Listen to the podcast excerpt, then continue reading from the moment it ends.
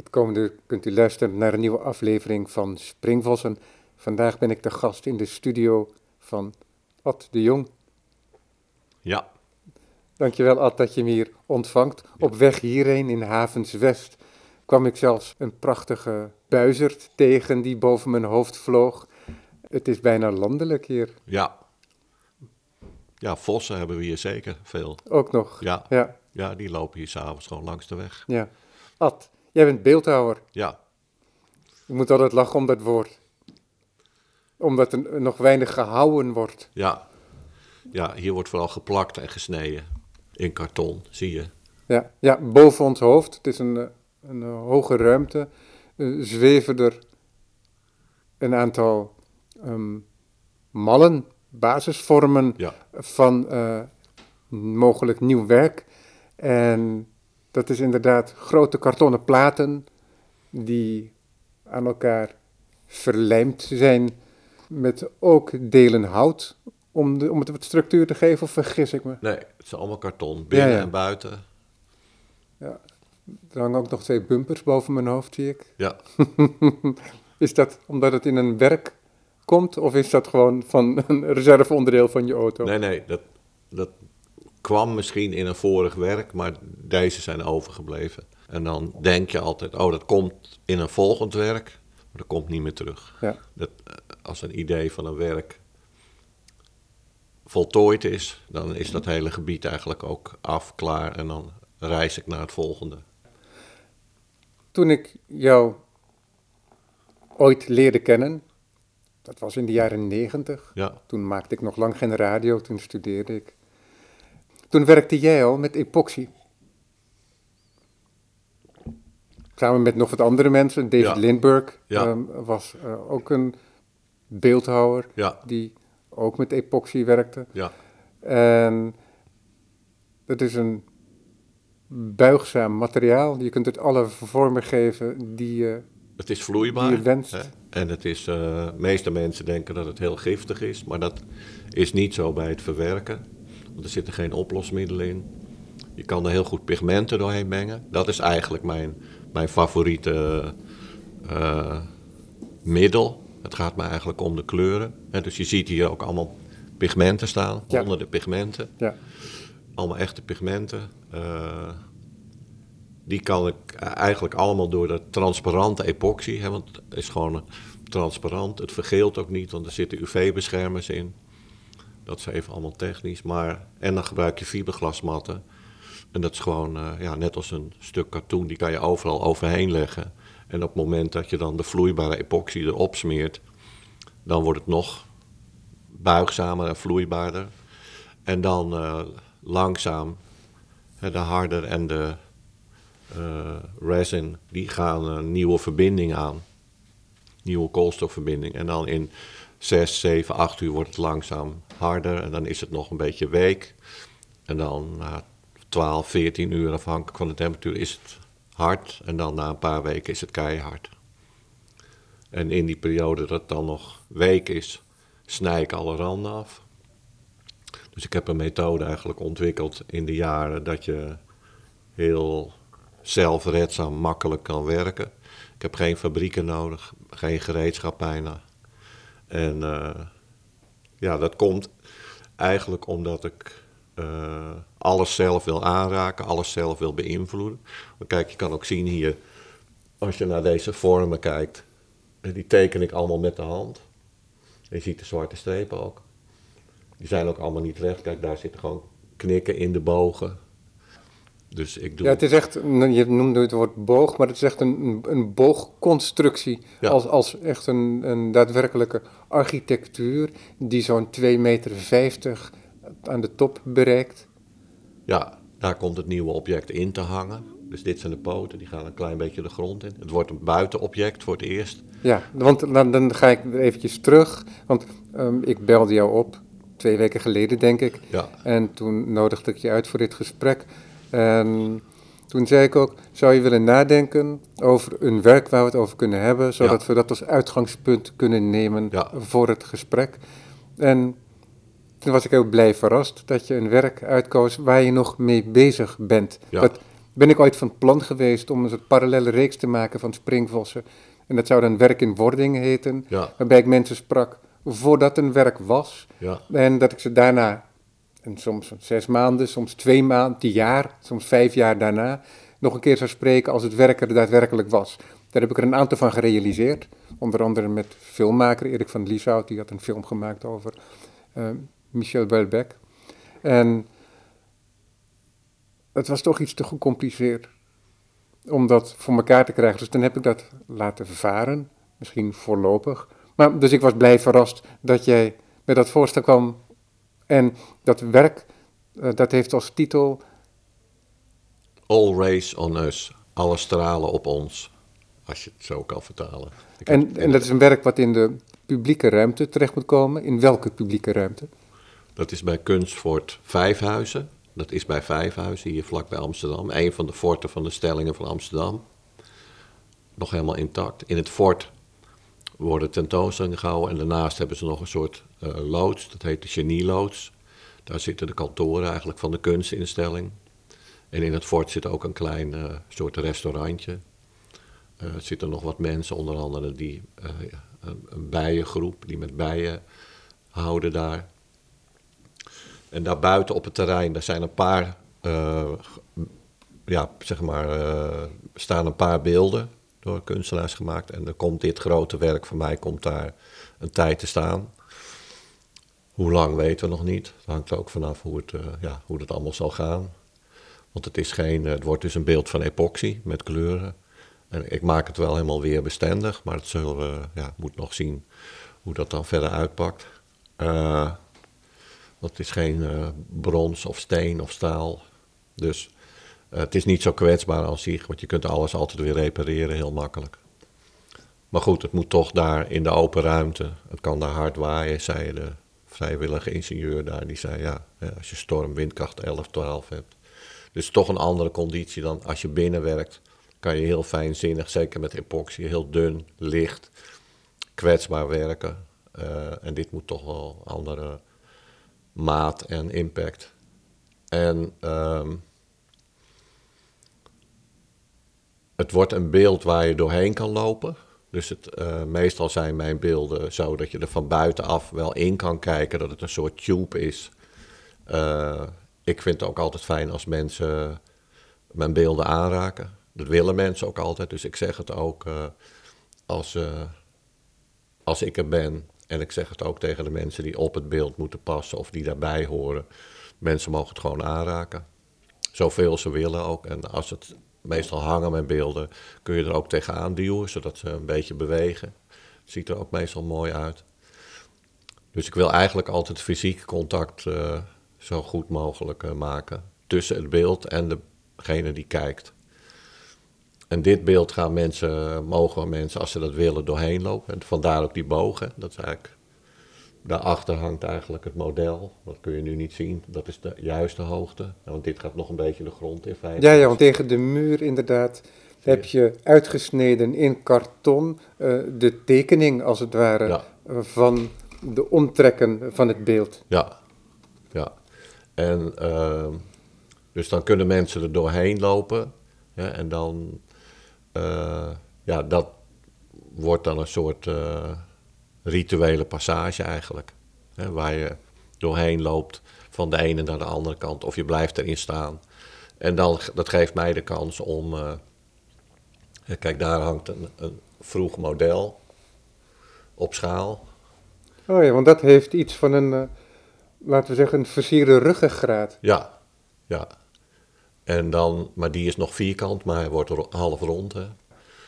En eh, ja, kan ik aan de binnenkant, er komen allemaal eh, stroken worden eruit gezaagd, zodat er licht doorheen valt. Eh, als je binnen staat, zie je ook eh, kleuren, hè, kleurenaccenten, andere vormen. En op het beeld eigenlijk, dat is een van de belangrijkste dingen, komen allemaal kleine beeldjes te hangen. En die geef ik na afloop weg eigenlijk aan bezoekers. En ehm, dus het wordt, behalve dat mensen er doorheen kunnen lopen, is het ook eh, eh, iets waarvan ze iets kunnen meenemen. Ik wil eigenlijk aan de buitenkant allemaal talismannen hebben die mensen eigenlijk gewoon kunnen meenemen. En ja, hoe ik dat moet gaan vormgeven met uh, Kunstwoord Vijfhuizen, dat weet ik niet. Dat moet nog blijken. Ja. Maar het mooiste zou eigenlijk zijn, ik heb het wel vaker gedaan in de galerie ook uh, vroeger en ook in Londen wel in een tentoonstelling, dat er dan één of twee eigenlijk de beste werken dan gratis weggegeven werden. Eigenlijk ook om als bezoekers dat zien, en dat is heel grappig hoe dat werkt. Bij Annette Keizer was dat in Antwerpen. Dan zagen ze de prijslijst en stonden bij twee werken. Eigenlijk de mooiste werken stond, wordt gratis weggegeven. Dus er stond geen prijs bij. En vertelde Annette me dat ze dan vaak tegen jonge verzamelaars zei... nou, geef je naam op, misschien krijg jij het. En die zeiden dan vaak van, nee, dat willen we niet, want we willen het gewoon kopen, want dan zijn we zelf de baas erover. We willen niet iets krijgen. Dat is echt waar. En sommige mensen hadden natuurlijk daar helemaal geen moeite mee. En die schreven zich in en dan niet democratisch, maar gewoon subjectief kozen Annette en ik dan gewoon twee mensen. En zeiden we, nou laten we het aan hun geven. Dat was van haar heel genereus en leuk.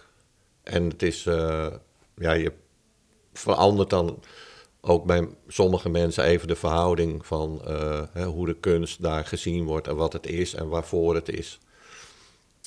En dat probeer ik eigenlijk ook in zo'n beeld te doen. Hè? Dat het meer om het geven gaat dan dat ze mij bewondering moeten geven of het beeld moeten zeggen van oh wat mooi of zo. Maar dat het eigenlijk helemaal ingaat. Dat dat hele gebied verdwijnt. Ja. En dat ze er zelf doorheen lopen en gewoon bij zichzelf komen en niet hè, ergens anders. Of dat ze iets gelezen hebben over uh, wat je tegenwoordig heel vaak hebt. Dat je een ingewikkelde tekst of ingewikkeld meestal toch theoretische tekst over een beeld leest, waar het dan over gaat, wat de bedoeling is, wat je ziet, wat het moet verbeelden. Is eigenlijk natuurlijk een belediging voor de toeschouwer, want die kan best zelf, iedereen kan zelf uitmaken eh, wat hij ziet en wat hij wil zien en hoe hij het wil zien. En dat is natuurlijk ook waar het om gaat, niet van wat ik wil dat mensen zien, maar wat zij zelf zien en hoe ze dat uh, verwerken. Dus juist proberen. Ik probeer de vorm eigenlijk ook zo te maken dat mensen het niet direct herkennen. Je geeft altijd zelf een interpretatie aan. zoals jij net heel mooi zei, van ja, een soort ruggengraat. Andere mensen zeggen dan, hè, gebruiken een ander woord. Dat is het bijzondere ervan. Hè, wat je uh, dat is een van de aspecten van mijn beelden. Dat ik probeer juist zo verschillend mogelijk de vormen bij elkaar te brengen. Om uh, op die manier ook, zeg maar, dat is een weerspiegeling ook van de wereld. Hè. Het meest bijzondere is eigenlijk als verschillende mensen, verschillende culturen, hè, een accountant en een dominee, een uh, secretaresse met een vrachtwagenchauffeur, als die met elkaar kunnen praten, koken, eten. Uh, dat is het bijzondere eigenlijk van onze wereld. En, uh, of een van de bijzondere aspecten. Er zijn nog veel meer dingen die bijzonder zijn, maar dat vind ik bijzonder. En ik denk dat dat juist in deze tijd, uh, hè, doordat mensen fysiek ook steeds verder van elkaar wegdrijven of gedreven worden, uh, dat het zien en voelen en iets durven zeggen tegen iemand die anders is, hè, of iets maken voor iemand die anders is, dat dat steeds moeilijker wordt en steeds meer ingeperkt wordt. Door mensen zelf en door uh, hoe ze zich laten leven, door allerlei dingen om hen heen. Dus daar, dat is wel een van de dingen waar ik me op richt, om dat zoveel mogelijk te geven. En, uh, en het daar, dus aan de ene kant zover mogelijk weggaan bij wat mensen kunnen zien en denken. En aan de andere kant zoveel mogelijk het openmaken dat ze er toch naartoe lopen en gaan kijken en zelf, zichzelf daarmee confronteren. Heb jij een vaste werkwijze? Nou, ik ben. Um... Als ik als voorbeeld dan bijvoorbeeld eh, David Limburg, met wie jij bevriend bent, ja. maakte in de jaren negentig zijn schetsen door een A4'tje te pakken, uh, dat te verproppen, heel snel, uh, gedachteloos. En dat deed hij dan een aantal keer en dan ging je kijken, als hij twintig proppen had of zo, wat daaruit tevoorschijn was gekomen. Hè? De, een soort toevalsvorm en dan weliswaar wel geleid door het materiaal, want het materiaal gedraagt zich op een bepaalde manier onder die behandeling. Um, dat is een, een, vaste werkwijze die hij had. Ik weet niet hoe hij tegenwoordig werkt. Hoe is dat voor jou? Um, Maak jij een schetsontwerp? Nee, ik teken wel. Maar dat zijn eigenlijk vrij uh, onduidelijke tekeningen. Daar kan je niks in zien. Het zijn gewoon allemaal lijnen, gekleurd. Uh, soms komt er een vorm uit. Uh, nou, ik herken daar dan langzaam dingen in. Dus als ik aan een nieuw beeld begin. Dan, en waar teken je dan mee? Uh, met een potlood. Of met gekleurde HEMA-stiften. En ja, dat zijn allemaal soort vrije tekeningen. Hè, want het gaat me er dan om van... Uh, het is heel bijzonder om je te bedenken van waar komt iets vandaan bij mij. Hè? Dus fysiek uit mijn lichaam. Waar begint een idee? Begint dat in mijn buik of in mijn hersenen? Nou, die hersenen kunnen niks, die kunnen alleen maar nadenken op het moment dat je ze iets geeft. Die beginnen niet uit zichzelf uh, te roepen van... hé, hey, Ad, nu moet je eens een, een, oranje beeld maken. Dat moet ergens vandaan komen. Dus dat komt uit het universum ergens, zo zie ik het. Um, en dan heb je een minimaal begin eigenlijk, hè, van je pakt een potlood en dan ja, ga je stip zetten of uh, zo. En dat is eigenlijk het begin. Daar ben ik heel erg in geïnteresseerd, omdat zeg maar. Uh, want daar in dat universum is een idee van mij, van jou, van Willem-Alexander, van. Uh, ja, noem maar op. Iedereen. Daar ja, het komt voor dat jouw interactie met de wereld. Ja, die ideeën die zijn overal. Hè? Schrijvers, filmers, uh, ja, en dan zo'n idee. David Lynch heeft daar ook heel mooi over geschreven. En uh, die mediteert uh, veel. En, da en, dat verband legt hij dan ook. Ik mediteer ook. Um, dus ja, waar komt het idee vandaan en waar begint het? En hoe behandel je het idee dan eigenlijk? Hoe, ja, wat, wat wil je ermee? Welk, je kan het alle kanten op sturen. Want wat noem jij idee? nu je het daar zo over hebt. Want je zei net, ik heb zo'n tekening. Ik krijg de indruk dat het een beetje een vrije vorm is. Ja. dat is niet heel nauwkeurig in iets wat je bedacht hebt en dat je dat vervolgens probeert te vinden weer en uit te beelden met je potlood. Nee, nee de tekeningen zeg maar zijn helemaal vrij. En, uh... Maar hoe verhoudt zich de tekening dan tot um, wat je dan zojuist het idee noemt? Um,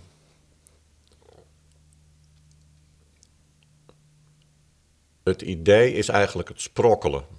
dus je hebt een aantal tekeningen, er komt langzaam.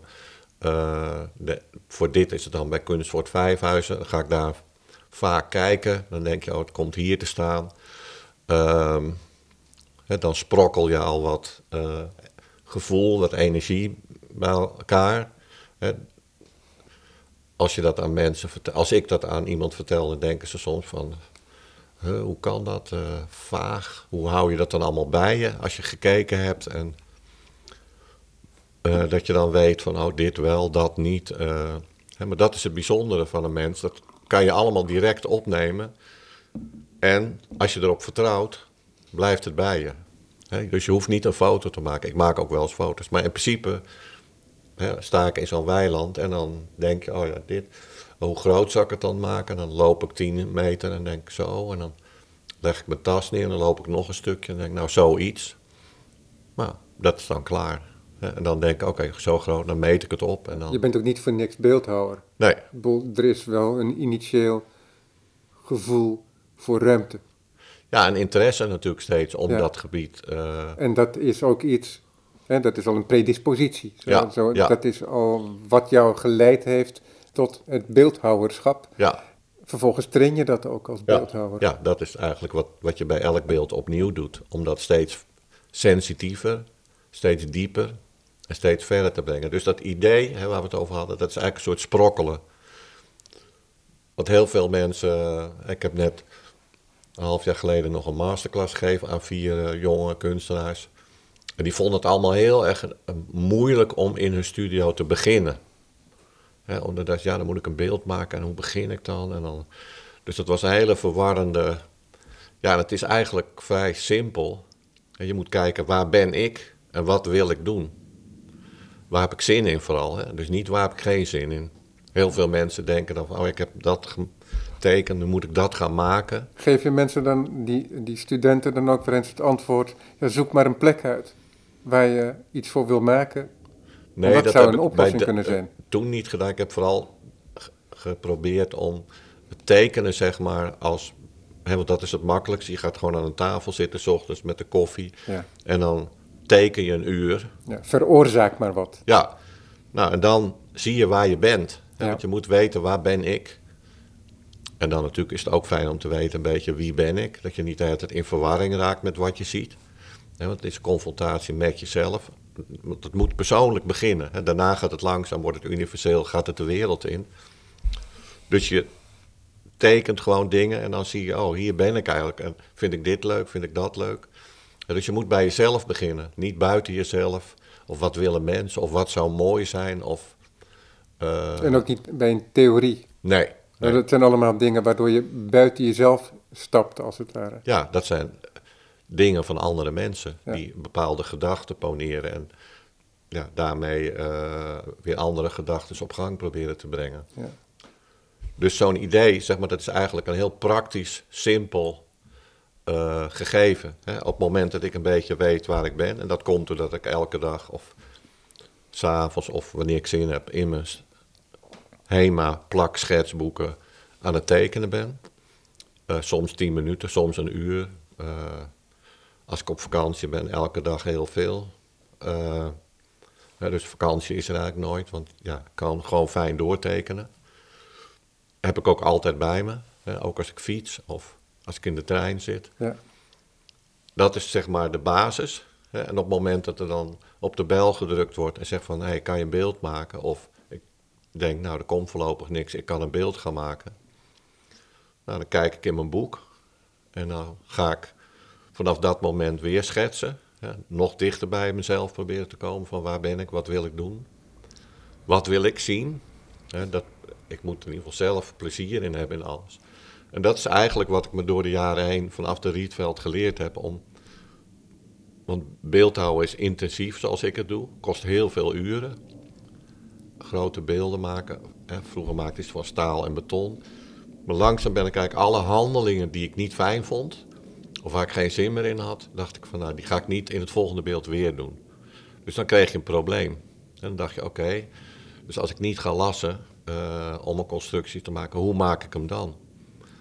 In het begin maakte ik geen mallen met epoxy, maar dan hing ik gewoon een plastic zak op. En dan was dat mijn vorm. Maar een beetje lompig. Maar ja, ik wou niet met hout gaan zagen en met ijzer gaan lassen. Dus ja, was ik daar. En dat heeft zich langzaam ontwikkeld. Toen ging ik dozen op de Nieuwe Dijk halen. Dacht ik, hé, die dozen kan je allemaal uh, gebruiken als vorm. En toen dacht ik, nou, je kan ze snijden. Toen kwamen de lijmpistolen. dacht je, oh, dan kan je ze ook... Hé, hey, dat karton kan je eigenlijk ook heel makkelijk en goedkoop gebruiken. Beter dan hout. En het is leuk, want je snijdt en je hebt gelijk dat dingetje. Je plakt en je hebt gelijk een vormpje. Bij hout moet je weer schroeven, heb je zagen nodig, elektra nodig. Dus eigenlijk heb ik zo in 40 jaar een hele simpele, directe manier van werken. Dus eigenlijk die tekeningen, die maak ik niet na. Dus ik heb dan een tekening en denk, nou ongeveer zo moet het worden. Dan ben ik in de studio, dan ga ik gewoon simpele dingen doen. Dan meet ik uit hoe groot mag die worden. Dan weet ik van, oh de deur van die ruimte is zo. Oh, dan moet ik het in twee delen maken of in één keer. Nou, dan bepaal ik de hoogte. Uh, dat kan ik ook doen. Uh, dan neem ik vaak, snij ik een paar stukken karton in een soort ruwe vormen, van dat ik denk zo of zo zou het worden. Dan ga ik weer naar die plek. Dan hou ik die vormen daar een beetje in die ruimte. Of ik neem iemand mee. dan kijk ik van, klopt dat een beetje Ja, dat is een goede manier. Zo doe ik het ook als ik een werk moet ophangen. Maar ik ben in mijn eentje. Dus ik kan niet op twee plekken tegelijk zijn. Nee, Dus dan snij ik inderdaad ook een stuk karton uit en dat plak ik op de muur om te kijken of Ja. het ding op de juiste plek hangt. Ja. ja, Ja, wat ik heel interessant vind, is dat je zojuist zegt, ja, je moet ehm, in dat gesprek dat je dan hebt met zo'n student, je moet wel proberen om bij jezelf te blijven. ja, En, want je bent sowieso met wat je voor jezelf kiest al in de wereld. ja, En, en dat ieders werk geeft daar blijk van. ja. Want je maakt nooit werk wat losstaat van zijn tijd. Nee. En van jezelf. Ja, ik, ik zei wel eens een keer tegen Hans Schuil.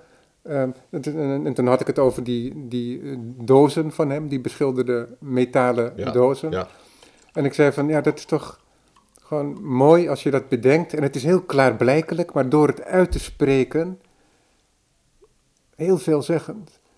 Als je bedenkt, jij, Hans Schuil, bent op een bepaald moment geboren.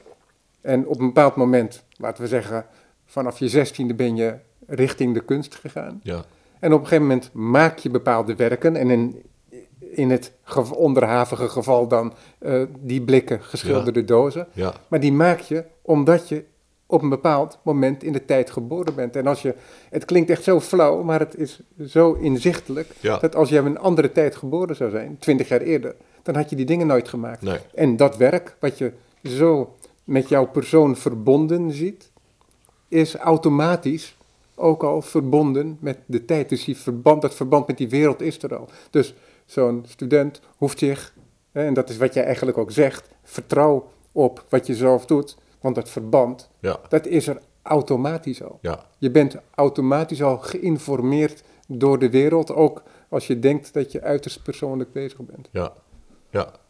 Nee, kijk, het is natuurlijk heel vaak, in, vooral in deze tijd van eh, vervelende politiek, hè, dat ze steeds vragen, eh, wat is het? Het moet nut hebben. eh, komt het op voor een bepaalde probleem? Eh, lost het een probleem op? Ga je een wijk opknappen met dit beeld? Eh, en dat zijn allemaal dingen buiten jezelf. Daar kun je je best mee verbinden, want dat, dat doe ik ook natuurlijk. Maar het, het meest bijzondere is toch eh, niet als je mensen een, direct een visueel houvast geeft van, oh ja, dat is dat. Oh, dat is het probleem. Oh ja. Het probleem kan alleen door mensen zelf opgelost worden, doordat ze zich bewust worden van hun eigen vrijheid of hun eigen kracht. Niet als ze naar het probleem kijken en iemand zegt van, eh, je mag niet meer fietsen. Nee, dat lost niks op. Eh, Mensen moeten zelf tot, eh, en dat zie je in deze tijd helemaal, hè, met de pandemie. En dat eh, een heleboel mensen realiseren zich nu van, oh, ik ben zelf verantwoordelijk voor mijn lichaam. Ze kunnen nog zoveel ziekenhuizen regelen, maar als ik ongezond leef, dan ja, zegt een dokter ook van, ja, meneer, eh kunnen niet veel doen. U heeft eh 30 jaar lang. eh, en dus eigenlijk eh, die verbinding met jezelf, hè, en dat is als kunstenaar ook heel belangrijk, maar dat is op een academie tegenwoordig heel ver weg. hè, Omdat ze daar heel erg kijken van, eh, wordt je werk bij het eindexamen opgepikt door een galerie? Eh, ze beoordelen je werk. Hè, dus je, en je krijgt zelfs punten eh, van allerlei kunstenaars die daar werken dan. Dat is natuurlijk een compleet achterlijke methode. Waar ook al eh, hè, Black Mountain College, Jozef Albers. Dat, er zijn veel betere ideeën al ontwikkeld hoe je moet lesgeven en hoe je mensen moet opleiden om te leren zelf te denken. Een grappig voorbeeld is, ik sprak een Duitse student een tijd geleden en die was, eh, deed een half jaar Rietveld. En die zei dat hij het zo idioot vond, eh, niet om de Rietveld belachelijk te maken, maar dat ze daar op school eh, zijn medestudenten, die zeiden dan voor een opdracht of iets anders, ja, morgen ga ik een schilderij maken. En zeiden, ja, dat waren mensen die nog nooit hadden geschilderd. Hij zei, ik heb in Duitsland, doe ik, volg ik al vier jaar lang bij een professor schilderles. Ik mag alleen met acryl schilderen en ik mag misschien volgend jaar met olieverf schilderen. En dat was een van de dingen die hem was opgevallen. En het andere was, zei hij, van ja, we krijgen heel veel theorieles en lezen allerlei boeken. En natuurlijk vooral die Franse filosofen. Dat was destijds met name inderdaad. Ja, maar dat is Je- nog steeds. Toen werd je inderdaad bedolven onder Deleuze en Ja. Guattari Ja. Hij zei, Wat ook van waarde kan zijn overigens. zeker. Maar hij zei, wat ze dus doen, is dat allemaal lezen en bespreken. Maar het is niet gericht op het zelf leren denken. Ja. Hij zei, in Duitsland is alles gericht op dat je een eigen denkmanier gaat zien en, en, en, en ook uitspreken. Maar daar is toch die houding juist, die in Rietveld wordt ge- de Rietveld Academie wordt gepropageerd. Ook om begonnen, juist. Vanuit een andere benadering. Dat dat uiteindelijk meer tot iets wordt voor een aflevering van, van nieuwe mensen die voor de markt kunnen werken. en dat- theoretisch. Dat is een ontwikkeling van later. En dat theoretische is er misschien ook wel meer ingekomen onder invloed van de conceptuele kunst, inderdaad. En van dat ze eh, zich aangesloten hebben bij de universiteiten. Dus dat het universitaire onderwijs eigenlijk, het theoretische onderwijs, heel sterk geïmplementeerd werd. Kijk, het is bij heel veel studenten nu zo, eh, punt 1, en dan krijg je een opdracht om iets te doen. En dan denken ze dat ze met die opdracht kunst moeten maken. Hè? Terwijl zo'n opdracht is eigenlijk om jezelf te ontdekken en te leren. Maar de docenten kijken ook de hele tijd, is dit goede kunst? Terwijl wij moeten niet bezig zijn eh, hè, om de wereld te vullen met musea en kunst. Nee, sommige dingen die blijven, hè, die zijn zo gewaardeerd of die geven zoveel uitstraling eigenlijk dat mensen daarnaar willen blijven kijken. Andere dingen verdwijnen. Heel veel dingen verdwijnen natuurlijk gewoon. Ja, weer. je, wat, je, wat je eigenlijk wil zeggen is dat zo'n kunstenaar in spe of een jonge kunstenaar eigenlijk veel meer bezig moet zijn met ontplooiing van zichzelf eh, in het maken dan met het maken van werken die verkocht kunnen worden. Dat is eh, vereenvoudigd waar je Ja. naartoe wilt, denk ik. Ja. Ja. Ja. kijk, dat is in de zestiger jaren begonnen. Wat voor parcours heb jij zelf gevolgd? Ik ben zelf eh, na de middelbare school, ja, was natuurlijk het sporenbijster. Ik wist niet, ik dacht niet dat ik kunstenaar ging worden. Ik dacht eerst ik word grafisch ontwerper of zoiets. Ja, dat hoor ik van veel kunstenaars. Ja. En dat kwam eigenlijk omdat ik, ik was vroeg uit huis en eh, ik lifte altijd terug naar huis in de weekenden. En toen had mijn oom tegen mijn vader gezegd, hij maakt zulke mooie liftbordjes.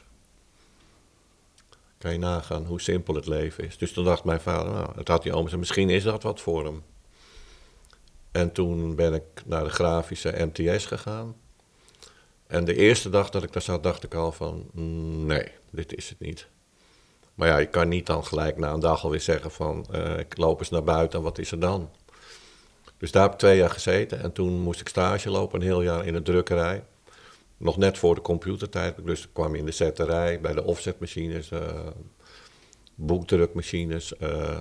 en toen kwam ik ook op de afdeling, er was één ontwerper in die drukkerij, met plakletters, maakte die tekstjes. En die vroeg aan mij, wat wil je eigenlijk worden? Toen zei ik, nou, volgens mij kunstenaar. En toen zei hij van, oh, dan wil ik hier nooit meer zien. En toen zei ik, hoezo? Toen zei hij, ja, zei hij, als je gewoon eh, dit afmaakt, die school, dan ga, krijg je een baantje bij een drukkerij. Dat was in die tijd nog heel goed, goed betaald ook. Hij zei, en dan gaat die ijskast zich vullen en dan kom je daar nooit meer waar jij wil komen. Dus hij zei, je moet weg. En, eh, je moet, Prachtig, Ja, prachtig. dus toen ben ik s'avonds naar mijn ouders gegaan en heb ik gezegd, ik ga van school. En de volgende dag naar de directeur. En toen was ik eh, een half jaar eh, vrij. En toen ben ik naar de Rietveld gegaan. En eh, ja, daar had ik ook goede leraren. En toen, ja, dat was natuurlijk in de vrije tijd in Amsterdam. In de tijd van de kraken en ja, dus zo langzaam, dat was mijn route eigenlijk. En ik heb eigenlijk beeldhouden gekozen op de Rietveld, omdat ik dacht, ja, dat is het moeilijkste, leek mij. Voor zover ik iets over kunst kon zeggen natuurlijk. Maar ik dacht wel, ja, als je dan iets maakt, dan is het echt in de wereld. En dat is wel, eh, ja, dat trok mij het meest eigenlijk. In plaats van, want ik schilderde ook gewoon heel veel in het begin. En maakte films en deed performances en maakte ook veel muziek. Dus het was niet zo dat ik al eh, alleen maar aan het beeldhouden was. Het was gewoon heel breed eigenlijk. En daar heb ik ook natuurlijk veel van geleerd. Hè? Ook met kleuren en door op straat muziek te spelen, eh, hoe het is om je bloot te stellen aan ogen van andere mensen, om te, voor gek gezet te worden. Dat zijn allemaal hele belangrijke elementen die je zelfstandiger maken en die je ook uh, mentale kracht geven om uh, lang te kunnen beeldhouden. Want ik zag wel al heel toen ik jong was van het belangrijkste eigenlijk als kunstenaar is volhouden. En niet ja, als één keer een subsidie niet lukt of een galerie gooit je eruit om dan uh, ja, toch maar een lerarenbaantje te nemen of iets anders. Dus ik dacht, ja, je moet gewoon volhouden. En uh, dat zag je, of dat, mijn voorbeeld was eigenlijk de leeftijd van Mondriaan. Dat ik dacht, ja, toen hij dood was, schilderde hij nog steeds nieuwe dingen voor zichzelf. En toen dacht ik van, ja, dat is in ieder geval één ding wat ik wil. Dat je niet op je vijftigste uitgeblust bent en dan nog een beetje zo voortsukkelt totdat je doodgaat. Uh, dus was eigenlijk nadenken over hoe ga je, wil je doodgaan. Dat heb ik wel al heel jong gedaan. En dat is een uh, lang perspectief en een ongebruikelijk perspectief wellicht ja, ook. Ja, maar dat, is, dat zeg ik eigenlijk nog steeds altijd tegen jonge kunstenaars van, daar moet je over nadenken. Want dan uh, wordt het allemaal veel reëler. Gaat het weg bij het, eh, wat ik zei, hoe ik een beeld maak. Hè, gewoon dat ik ga meten, ik ga er naartoe. Het zijn allemaal hele simpele handelingen, maar je moet ze doen. Ja, en tegenslag wordt ook dagelijker, denk ik, door dat lange perspectief. Ja, is geen tegenslag. Is... Nee, want dan, dan is het gewoon een, een rimpeling in een hele lange tijd die je voor je hebt ook. Ja, Snap je? Want ja, het is wel ja, een- ja, ja, maar ik zit even na te denken over een tegenslag. Is eigenlijk. eh, kijk, wij noemen het een tegenslag, hè? Maar het gaat natuurlijk allemaal om bewegingen en energieën in je Dat is heel interessant, want nu jij ehm, gaat nadenken over tegenslag, gebruik je je rechterhand en begin Ja. je inderdaad toch ook iets van een mechanische werveling Ja. eh, uit te beelden Ja. met, die, met die rechterhand. Ja, Ik doe jou nu na, terwijl, ik dat, eh, terwijl ik dat zeg. ja. Het is. Kijk hoor. eh, ja, je hebt natuurlijk. Nou, het belangrijkste is eigenlijk bij een tegenslag dat je eh, het durft in te nemen. Dat je denkt van, oh, eh, ze vinden dit niet mooi of ze willen dit niet. En dat je dan denkt, nou, dat is eigenlijk net zo goed als dat ze zeggen het is heel goed. En dus voor mij is eigenlijk altijd, hè, want je hebt natuurlijk, je moet als kunstenaar leren, daarom was op straat muziek maken heel belangrijk.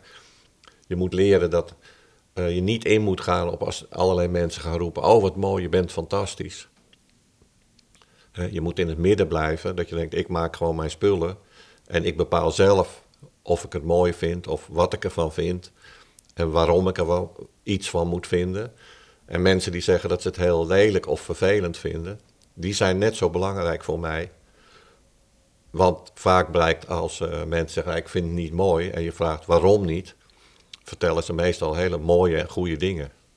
Dus, maar in hun wereld en in hun beleving eh, zijn mijn kleuren op dat moment en mijn vormen eh, resoneren niet. Maar dat is helemaal niet erg. Hè, net zo goed, ja. eh, als je, je kan met iedereen praten, maar je hoeft niet iedereen leuk te vinden. Zo is het met beelden ook. Dus het is heel Ja, belangrijk. en je hebt niet per definitie de leukste gesprekken met de leukste mensen. Nee, nee, nee. Dat is, dus ik heb mezelf eigenlijk daarin getraind om te zorgen dat, eh, ja, dat je moet volhouden. Ja. En dat je steeds dat moet maken wat je zelf wil. En proberen dat het startpunt zo eigenlijk niet dicht bij jezelf, maar gewoon echt helemaal vanuit jezelf te maken. Want dan kan je er de meeste energie en meeste plezier en alles aan geven om het tot een bijzonder beeld te maken. En het moet ook zo specifiek mogelijk van mij zijn, omdat ook weer om eh, de plus en de min en de wereld eh, te laten werken om energie te genereren. Om, als het heel specifiek van mij is, dan kijken mensen naar en dan denken ze, oh, dat lijkt dan heel persoonlijk, hè, maar ik ben weg als mensen het beeld zien. En dan wordt het opeens heel specifiek. En dat is het leukste om naar te kijken. Want het is natuurlijk het leukste om. eh, of nou, eh, leuk niet. Het is het bijzondere van onze wereld is dat alles verschillend is. Elke dag, elke seconde. Mensen veranderen elke minuut van gedachten. Alles beweegt, de zon beweegt. En daar moet je mee leren omgaan. En heel veel, speciaal politiek natuurlijk, wil daar niet mee omgaan en wil alles steeds vasthouden. En liefst eh, verzekeren in pensioenen en in. Ja. eh, maar dat is ook, denk ik, wel een houding die ook buiten de politiek staat. Want dat is een probleem met heel veel zaken, ook in de filosofie en in onze omgang met de wereld, dat wij vaak, als we nadenken over de wereld en daar vorm aan geven, over de- aan het nadenken in woorden, dat dan blijkt dat wij een statische ehm, formulering hebben voor iets wat eigenlijk altijd dynamisch is. ja, En daarmee dus eigenlijk altijd tekortschieten. Of een soort leugen bedrijven, omdat we iets voorstellen als Ja. statisch ja. en wat het niet is. Ja. ja, en dat is natuurlijk ook het probleem bij eh, de kunstwereld op het moment dat eh, niet de kunstenaars, ja, die worden er vaak toe gedwongen, maar alles daarbuiten probeert steeds meer en meer op het moment hè, om die kunstvormen eh, te beschrijven en een, en een nut en een doel te geven, omdat eh, anders vooral van overheidswegen anders gezegd wordt, ja, dan kunnen we daar geen geld meer aan besteden als het niet hè, op een bepaalde manier. eh, het woord subsidie mag je ook eigenlijk niet meer gebruiken. Het moet allemaal in andere economische termen steeds. eh. Maar goed, dan kom je op het gebied dat alles natuurlijk nu economisch geleid wordt en niet geestelijk geleid wordt meer. Dus wordt niet vanuit de mens geleid, maar vanuit de economie. Dat is eigenlijk onze religie op het moment. En daar moet je als kunstenaar, of ik wil daar als kunstenaar ver van weg blijven, omdat dat geen interessante, inspirerende beelden oplevert eh, voor mensen, geen inspirerende kunst. En dat is dan, wordt dan gewoon economie, wordt een zaak om geld te verdienen en om ja, dingen te kunnen kopen, maar daar ben ik niet in. Nee, ben ik niet in geïnteresseerd. Duidelijk. Dat wil ik niet eens. Ja. Het is niet eens een kwestie van interesse, maar Ja. dat wil ik niet.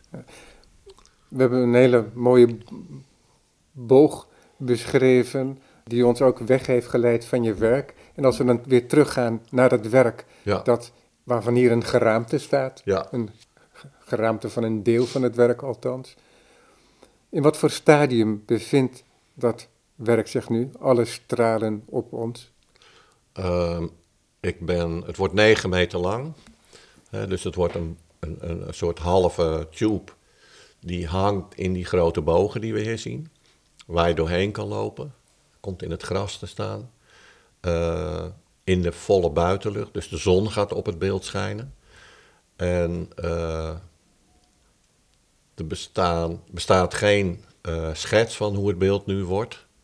Eh, hier hangen wel een soort modellen, maar die heb ik vooral gemaakt natuurlijk om inzicht te krijgen in hoe, groot die bogen moeten zijn, eh, een beetje de sterkte.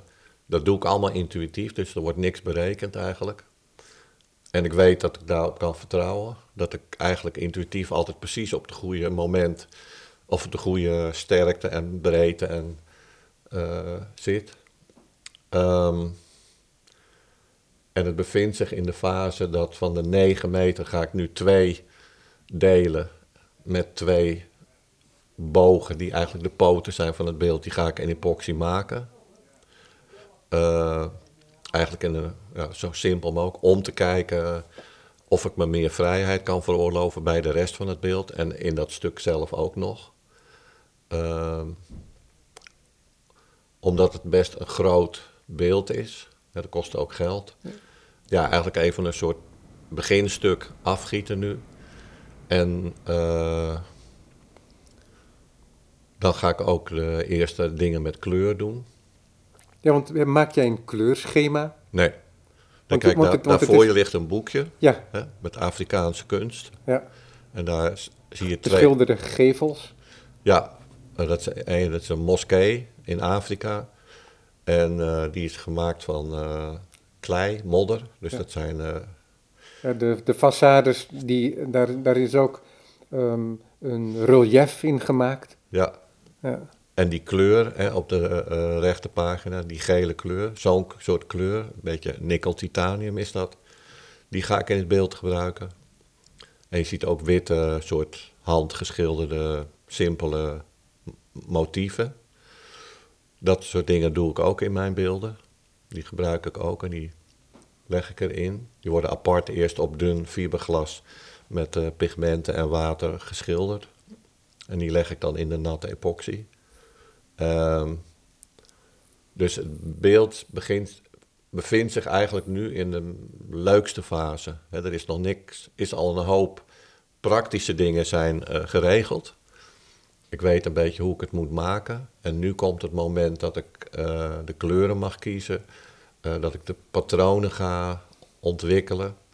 En die staan niet vast. Dus als ik zeg maar een patroon ga maken, dan leg ik gewoon op deze tafel dun vel fiberglas op plastic. En dan... Ja, er liggen hier wat... Uh, ja, dat zijn de dikke. Stroken naast ja, ja, en dan schilder ik gewoon heel rustig met een penseel die patronen.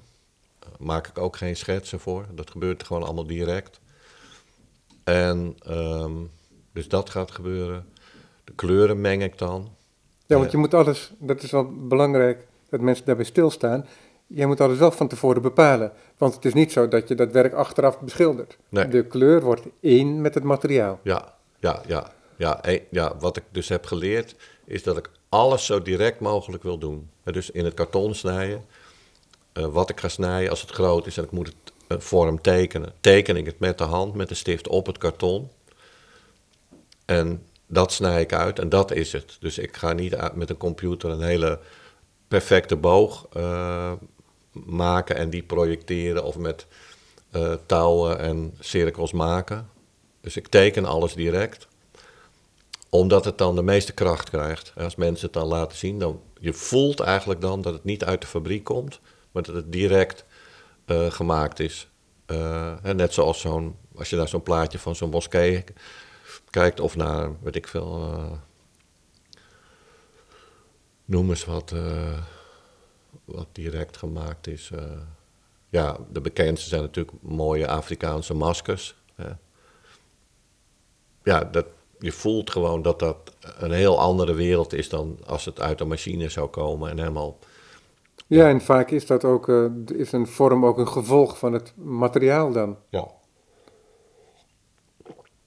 Dus het beeld, zeg maar, probeer ik zo direct mogelijk en alles te maken. Dus ook, zeg maar, het plakken van het karton, hè, want het is driedimensionaal. Dus die boog is ook 25 centimeter breed. Die heeft zijkanten, die heeft, hè, dat is een, uh, ook allemaal voor de constructie. Dus sommige dingen worden bepaald door de constructie. Andere dingen worden bepaald door hoe ik het wil laten zien.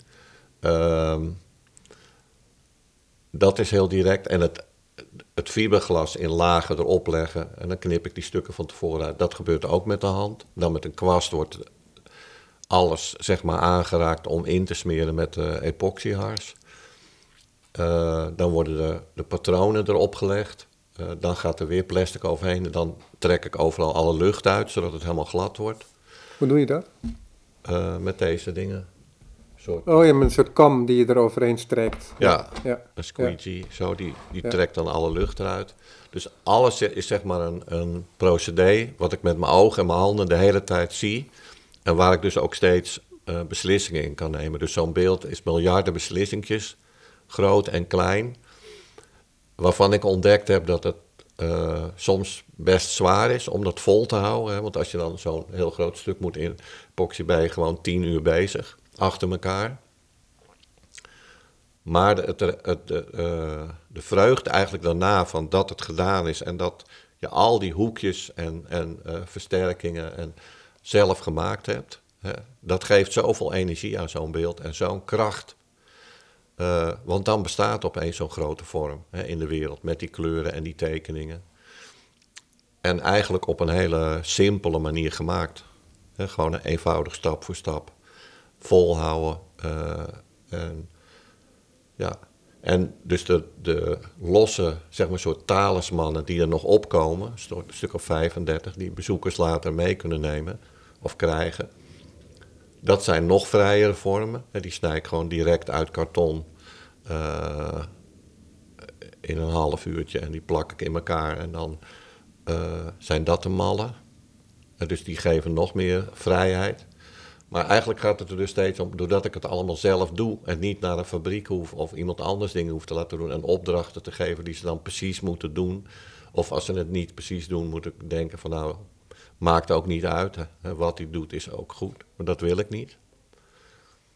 Hè, omdat ik zo lang mogelijk wil dat het helemaal precies uit mij komt, hè, tot het moment dat het af is en dan laat ik het los. Ja, het idee van precisie krijgt een andere invulling dan. Ja? Want het is wel precies omdat jij nauwkeurig dingen doet, maar je accepteert ook als een boog niet een geïdealiseerde boog is, maar hè, dat mag meebewegen onder het mes waarmee Ja. je het karton snijdt, ja, onder de kwast die je gebruikt ja, om de epoxy op te strijken. ja. En zo ook met de ontwerpen van de motieven. Ja, ja, omdat ik gezien heb eigenlijk en geleerd heb dat op het moment dat ik het helemaal perfect probeer te maken, dan wordt het vaak vervelend werk in de studio. Hè? Urenlang schuren en weer bijwerken, schuren, bijwerken. Want dat heb je wel gedaan ook.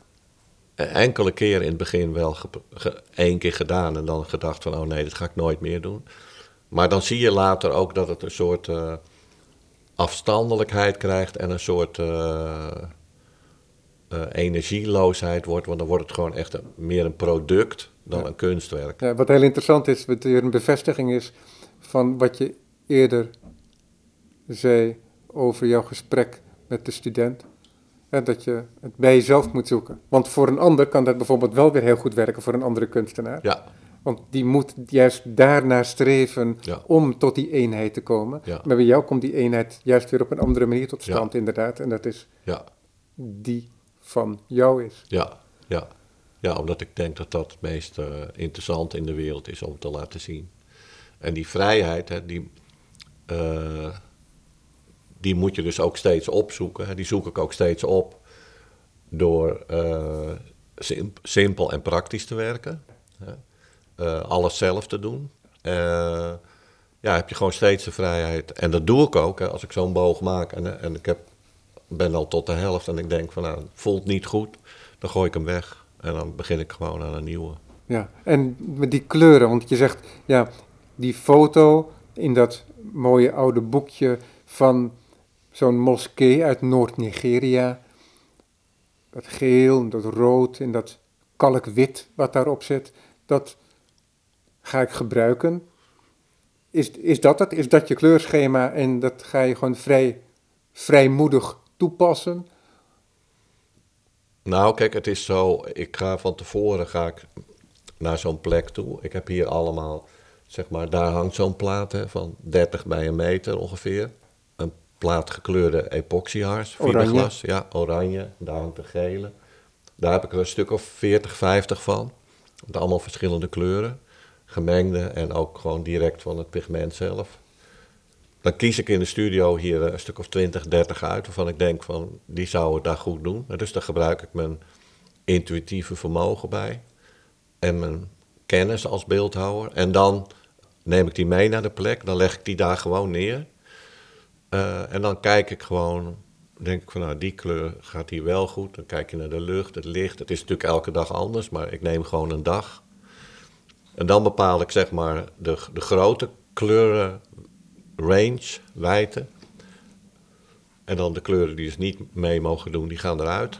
En dan heb ik in de studio gewoon eigenlijk een set van ja, meestal zes of zeven platen. Want ik denk, die kunnen het doen. En dan wijk ik daar wel weer van af. Maar dan weet ik bijvoorbeeld, eh, ik ga daar geen, moet daar geen oranje doen. Nee, precies. Of ik Ja. moet daar geen blauw doen. Ja, dat begrijp ik. Ja. Tot slot, Ad. Ja, We zijn nu eh, begin februari 2021. ja. Wanneer denk je het beeld op te kunnen leveren? Eh, het is de bedoeling dat het in mei af is. Dan gaat het naar Kunstvoort Vijfhuizen. En dan zal het daar, ik hoop, één of twee jaar of misschien langer staan. En eh, ja, ik nodig natuurlijk iedereen uit om te gaan kijken, maar vooral ook eh, te kijken of ze een talisman mee kunnen nemen. Oh ja, want die, daar hebben we het nog niet eens over gehad, inderdaad, hoe je die vorm gaat geven. Maar misschien is dat weer dan materiaal voor een volgend gesprek. Ik hoop dat we elkaar nog een keer spreken. Ik dank Ja, je in ieder geval ja. voor dit gesprek. Dankjewel.